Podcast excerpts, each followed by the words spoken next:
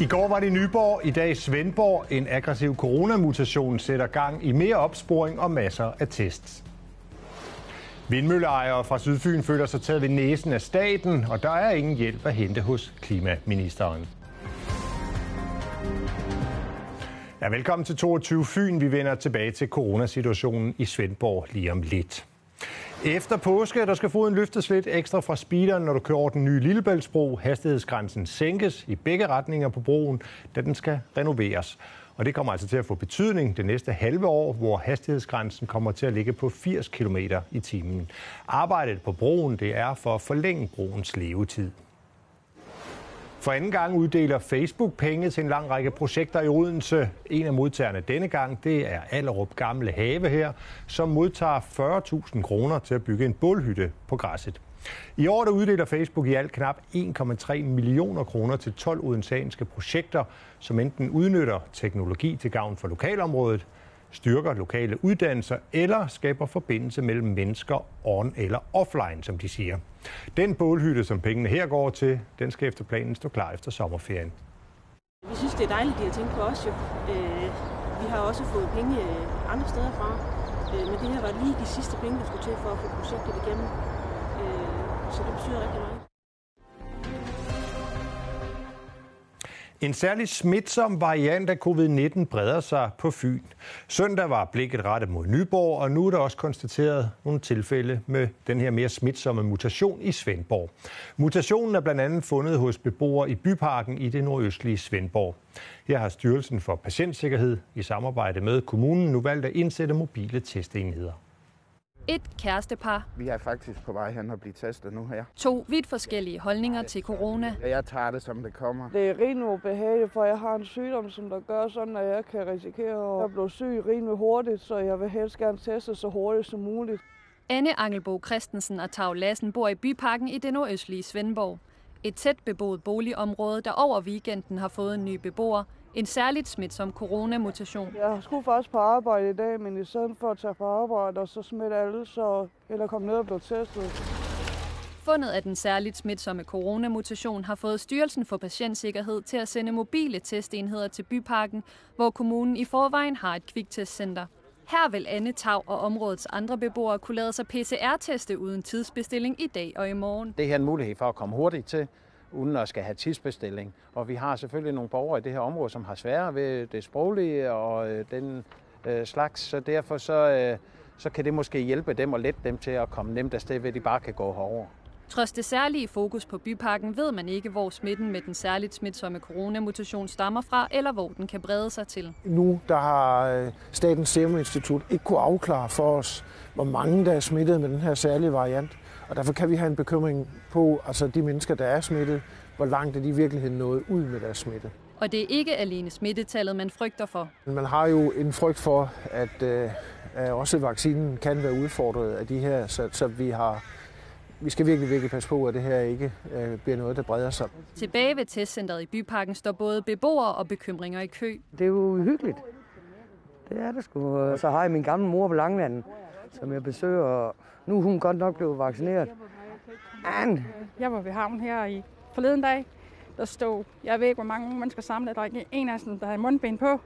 Hvor jeg tænkte, okay, det her det er bare noget, der går fuldstændig galt ganske rigtigt på dag efter at høre det her. Jeg er kun ude, når der skal handles, eller vi har nogle øh, besøg, der skal ordnes, altså sådan noget som tante eller sådan noget, ellers så holder vi os faktisk inde hele tiden. På slaget 12 går dørene til testcenteret op, og kæresteparet Anne og Tav træder ind. Udenfor står en begejstret Kim Kristoffersen. Jeg vidste jo ikke helt, hvad jeg skulle forvente, men jeg må jo sige, at jeg er jo noget imponeret over det fremmøde, der er på nuværende tidspunkt her. Det har så også resulteret i, at allerede Falk de har rekvireret en podevogn mere, så vi kan skrue op for antal, de kan tage igennem der. Først inde og først ude. Anne og Tav er nu blevet testet. Det fungerer rigtig godt. De passer virkelig godt på os. Det ærger dog parret, at den lokale PCR-test uden tidsbestilling ikke vil være en mulighed efter i morgen. Hvis det var sådan her med, at man bare kunne møde op og så stille sig i kø og så blive testet og så tage hjem igen, det ville, det ville, være, det ville være et stort plus for mit vedkommende af i hvert fald. Ja, hvad det er for en type af mutation, det ved man altså ikke endnu. Det skal først undersøges. Fire skoleklasser fra to forskellige skoler i Svendborg er sendt hjem, og Nana Lohmann, der er skole- og uddannelseschef i Svendborg Kommune, forklarer, hvordan de griber situationen an. Vi er blevet bedt om af Styrelsen for Patientsikkerhed at gå et led længere ud, end vi normalt gør. Og det betyder, at vores elever er blevet bedt om at isolere sig, og på fjerde dagen skal de testes første gang, og på sjette dagen skal de testes anden gang. Og ved to negative testresultater, så kan de komme fri igen. Så skal vi til sagen om 70 fynske vindmølleejere, der føler sig snydt af statens forsyningsselskab Energinet. I 2013 der købte de andele i fem vindmøller, og Energinet lovede dem, at de ville få 25 øre per kilowatt-time, der blev sendt ud i elnettet i et såkaldt pristillæg ud over markedsprisen, altså for strøm. Men i 2016 så trak Energinet det tilbage med grunden om, at der var, med begrundelsen, at der var tale om en fejl. Derfor har vindmølleejerne nu klaget til klimaminister Dan Jørgensen, og de har så fået svar. Det lyder sådan her. Det er en ærgerlig sag. Der er dog fra ministeriets side desværre ikke mere, vi kan gøre i denne sag. Klimaministerens afvisning frustrerer vindmølleejerne, for uden det her pristillæg, ja, så mister de hvert år indtægter for 2,5 millioner kroner. Og det betyder, at de for eksempel ikke kan reparere vindmøllerne, hvis de går i stykker. Her på marken ved Gudbjerg blæser vinden stadig kun til halv pris. Jeg føler mig trådt på. Øh, jeg synes, det er urimeligt. Man kan da ikke løbe fra en skriftlig tilkendegivelse om et pristillæg. At vi er berettiget til pristillæg, det kan man da ikke bare løbe fra. Og der er grund til kritik.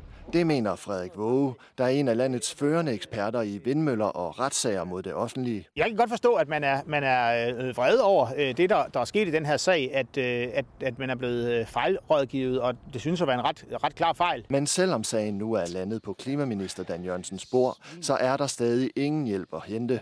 I sit svar skriver ministeren, Energistyrelsen oplyser, at det er styrelsens vurdering, at opstiller allerede inden nettilslutningen af vindmøllerne var klar over, at det udelukkende var fabriksnye vindmøller, der var berettiget til pristillæg. Det er, det er kompliceret, det må man sige. Vindmølleejerne var altså ikke i god tro, og derfor kan ministeren ikke ja. gøre mere. Det er jo ikke korrekt, at, øh, at, øh, at, vi ikke, at vi vidste det på forhånd, for det, vi havde jo det her stykke papir, som vi kunne forholde os til, hvor vi er berettiget til pristillægget. Og anden, der var ingen, der sagde andet til os. Når jeg læser ministerens svar, så er det tydeligt, at han er ikke blevet fuldt oplyst i den her sag. For Energinet anerkender flere gange, at vindmølleejerne var i god tro. Hvor det er, de skriver, at hvis møllen ikke har modtaget øh, skortningstillæg, så, så, så, så er den berettiget til pristillæg. Ifølge Frederik Våge er der dog en god forklaring på ministerens og Energinets interne uenighed. Altså jeg kan ikke se andet end, at, øh, at ministeren her går ind og, og henholder sig til det, der er sket under retssagen, hvor kammeradvokaten har oplyst den her sag yderligere. Og på den baggrund så er han ikke længere enig i, øh, at, øh, at man var øh, i god tro. Retssagen, Frederik Våge taler om, anlagde vindmølleejerne i 2019, men de trak sagen tilbage, inden den nåede en dommer. Så beder vi vores advokater om at komme med et, øh, et scenarie. Hvad er, hvad er det værste, der kan ske? Hvor meget kan vi komme af med, hvis vi taber sagen? Og der, der får vi et estimat, som siger, at, øh, at det er omkring 5 millioner, vi kan, vi kan tabe. Og så, så kigger vi på hinanden og siger, det kan møllerne altså ikke engang tjene hjem, så vi tør ikke køre sagen. Men det stopper desværre bare, ifølge Frederik Våge, den videre proces. Ministeren vil naturligvis henholde sig til, hvad det er, kammeradvokaten har sagt i retten. Andet vil være mærkeligt. Så, så det, er, øh, altså, øh, det, er, det er vanskeligt at komme videre med det her. Alligevel håber vindmølleejerne, at klimaministeren vil se på sagen endnu en gang. Ja, jeg vil gerne have, at man erkender, at man har begået en fejl, og man må tage en del af ansvaret ved at give os en erstatning. Altså mit håb det er, at, øh, at øh, Dan Jørgensen han vil kigge nærmere på det her. Han har tidligere udtalt, at når en, øh, en myndighed træffer en afgørelse, så kan de ikke trække den tilbage igen. Det vil være til skade for, for samfundet. Det vil jeg forklare ham, at det er, det er det, sagen faktisk drejer sig om nu. Ja, det har altså ikke været muligt at få et interview med klimaminister Dan Jørgensen i dag. Det har vi til gengæld fået af Rasmus Helve Petersen. Han er formand for Klima-, Energi- og Forsyningsudvalget. Jamen, det har jeg svært ved at se, hvad han kan gøre, når der både er en, øh, altså en kendelse for de forskellige klagenævn, og han har sagt det her. Men jeg ville, ville da have håbet, at han tog sagen op, og så per kulance på en eller anden måde gav de her mølleejere medhold. Fordi jeg synes virkelig ikke, de er, de, ikke de selv er ude om det, og jeg synes, de står i en svær situation nu, fordi der er sket en systemfejl. Her til sidst så tager vi lige de helt korte nyhedsoverskrifter. Sommerhusejere, der leger ud, står over for en historisk god påske, men man savner stadig tyskerne. Politiet savner vidner til en episode i Middelfart søndag aften. Her blev en ung pige forsøgt forulæmpet. Unge studerende skal snart teste sig selv for corona, men hvordan skal de gøre det? Du kan få svaret på det og meget mere på tv2fyn.dk. Der er i dag massiv kritik fra danske fodboldfans efter at landsholdet i går protesterede mod forholdene i Katar forud for VM. Den danske protest den var nemlig for svag, lyder det for de danske, fra de danske fans. Mere om det i sporten på gensyn.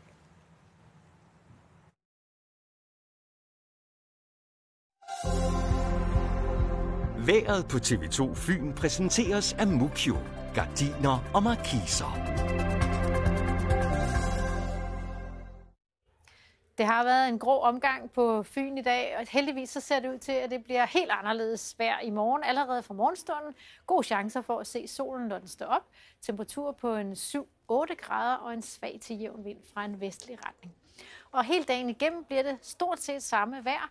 I løbet af dagen vil det nok blive lidt mindre lunt i øh, de vestvendte kyster. Der kan vi måske ligge lige omkring de 10 grader, og jo længere man kommer mod øst ind i regionen, jo større er chancen for, at vi når de her 13-14 måske endda 15 grader. Så det er et dejligt forårsdag i morgen, hvor solen står op lidt i syv og går ned lidt i 8.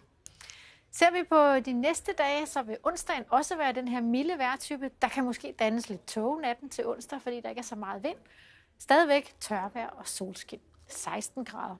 Natten til skær torsdag, der kommer en koldfront forbi, vinden går om i nord, så begynder vi altså at kunne få nattefrost igen, og dagtemperaturen kommer til at ligge omkring de 10 grader, men det er stadigvæk med tørvejr og solskin.